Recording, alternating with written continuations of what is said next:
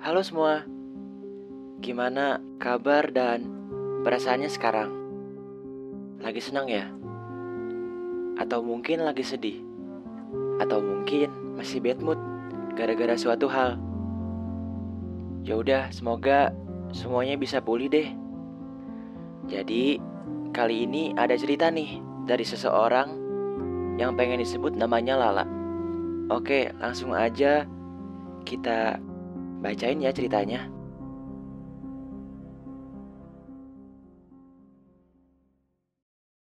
Hai, kenalin, aku Lala. Hari ini aku mau cerita tentang seseorang. Dia bukan siapa-siapa. Aku bakal kasih dia nama samaran, yaitu Dika. Empat tahun yang lalu, pertama kali ketemu sama dia, saat itu wajar ya, namanya juga remaja baru puber. Tahun-tahun berikutnya, aku lost kontak sama dia. Aku punya pacar, dia pun punya pacar. Seperti orang yang gak kenal dan punya kehidupan masing-masing. Tapi sekarang, aku ketemu lagi sama dia. Saat itu aku baru putus dari pacar aku. Kita biasa kolan sampai tengah malam. Gak apa-apa, nanti lo bakal nemu orang yang tepat. Dan Allah bakal ganti yang terbaik. Itu salah satu kalimat yang dia keluarin malam itu. Dia menjadi sosok penenang dan membuka lebar bahunya untuk tempat aku bersandar. Entah karena memang dia orang baik, atau aku yang terlalu berharap. Sejak awal aku akrab lagi sama dia, aku bertekad buat gak akan suka sama dia lagi.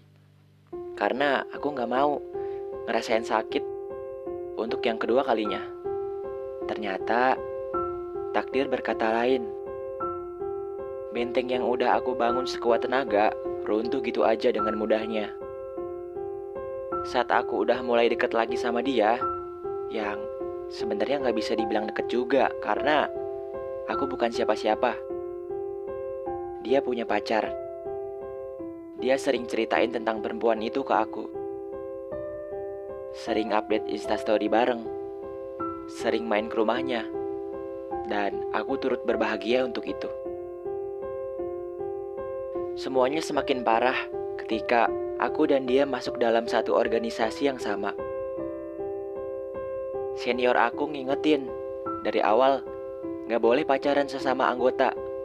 Tapi aku sama dia semakin deket karena sering ngabisin waktu bareng, nugas bareng, ngejalanin proker bareng. Aku menyaksikan bagaimana perjuangan dia di organisasi dia selalu berkorban dan ngusahain yang terbaik. Apa pun halangannya, dia selalu bisa lewatan itu dengan caranya sendiri. Dan aku menyaksikan marahnya dia, sedihnya dia, kecewanya dia, dan capeknya dia. Hubungan Dika sama pacarnya ternyata nggak bertahan lama. Saat itu, Pertama kalinya aku lihat sosok sekuat baja bisa nangis. Hati aku sakit, ikut sakit ketika tahu ada yang nyakitin dia. Tapi semuanya aku tahan, aku simpan sendiri. Aku tetap dengar cerita dia tentang masa lalunya, tentang gebetan barunya, tentang perempuan yang belum bisa dia lupain dan tergantikan katanya. Kalau boleh jujur, hancur banget rasanya. Di saat dia lagi gak deket sama siapa-siapa, aku beraniin diri buat utarain perasaan aku ke dia. Dengan harapan, mungkin setelah aku ngungkapin, bisa perlahan ngelepas dia lagi. Ternyata takdir masih berkata lain. Sampai sekarang, aku masih deket sama dia. Aku masih teleponan sama dia dia juga masih nyeritain kesehariannya ke aku. Dia masih mau antar jemput aku ke mana-mana. Wow, ini semua di luar ekspektasi. Tanpa aku sadari, dia orang pertama yang aku cari kalau aku kenapa-napa. Dia orang pertama yang dengar cerita aku. Dia orang yang tahu kalau aku lagi kenapa-napa sebelum aku cerita. Ada apa sih? Sini cerita, kata dia. Apa yang dia lakuin semua itu ke aku selalu buat semakin aku gak bisa lupa sama dia. Menyedihkannya, saat kembali ke realita bahwa aku bukan siapa-siapa. Dia belum sembuh dari masa lalunya. Masih ada perempuan yang tak tergantikan bagi dia. Aku selalu mempertanyakan, kenapa ya aku dipertemukan lagi sama dia? Kenapa ya aku harus satu organisasi sama dia? Kenapa ya aku jadi tempat ceritanya dia? Kadang sih suka nyalahin diri sendiri. Karena dengan adanya aku takutnya malah semakin membawa beban buat dia. Tapi aku selalu tepis semua pikiran itu. Nggak apa-apa, Allah udah ngatur jalannya. Pasti ini jalan terbaik. Aku pernah nemu kutipan yang pernah lewat di FYP TikTok aku. Nggak ada yang namanya kebetulan. Akan selalu ada alasan kenapa lo ketemu seseorang. Entah kehadirannya mengubah hidup lo, atau lo yang mengubah hidupnya. Jadi, suatu saat kalau berpisah jalan, artinya tugas lo udah selesai. Nggak ada yang perlu disesalin lagi. Sebenarnya, dia orang yang sederhana, tapi aku suka cara pandang dia ke dunia. Dia ngajarin aku untuk selalu berbuat baik sama lingkungan sekitar meskipun kita dapat perlakuan buruk dari orang lain. Karena apa yang kita lakukan pasti akan kembali lagi ke diri kita.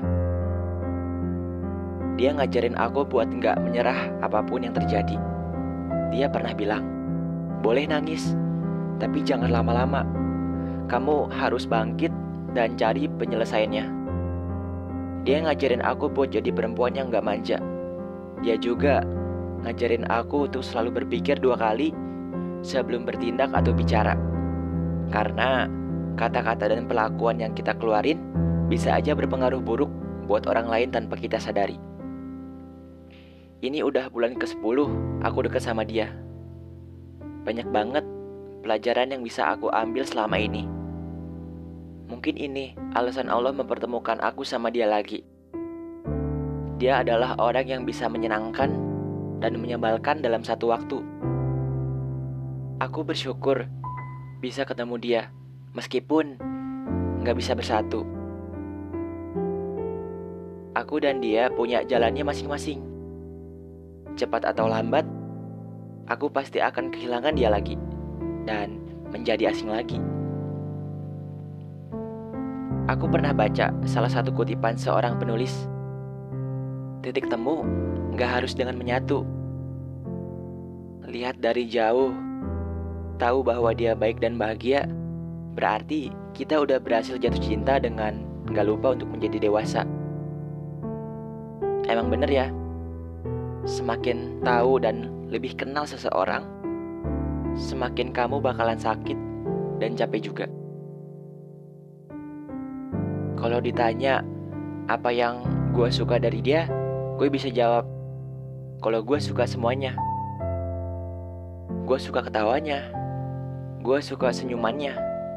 Gue juga suka banget sama suaranya. Bahkan, gue suka banget kalau dia lagi berbicara. Gue suka banget isi kepalanya kayak apa. Makanya, kalau seandainya hidup tidak mempertemukan kita untuk bisa sama-sama, setidaknya gue bisa untuk terus menjadi pendengar terbaiknya.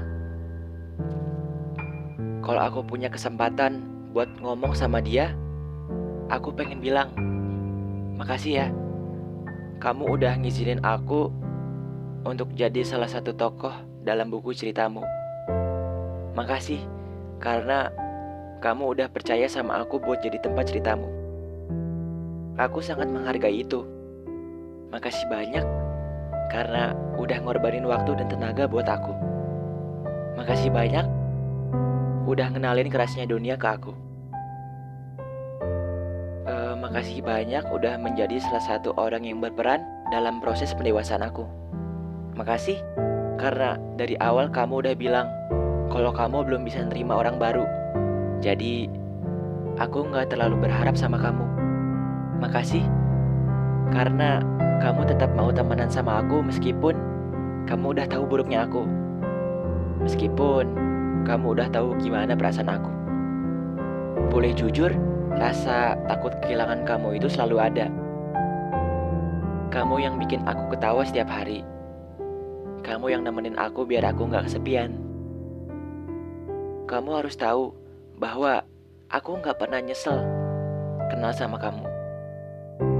Aku bahagia untuk kamu dan aku sendiri. Aku minta maaf Aku minta maaf kalau selama ini aku selalu nyusahin kamu. Aku minta maaf kalau selama ini aku jahat sama kamu. Aku cuma pengen belajar buat ikhlasin kamu. Karena aku sadar kita nggak akan bisa sama-sama terus. Dan aku nggak terus bisa bergantung sama kamu. Semesta punya jalannya sendiri. Apa pun yang terjadi selanjutnya, aku serahkan pada takdir. Nggak lupa, terima kasih udah baca ceritanya ya.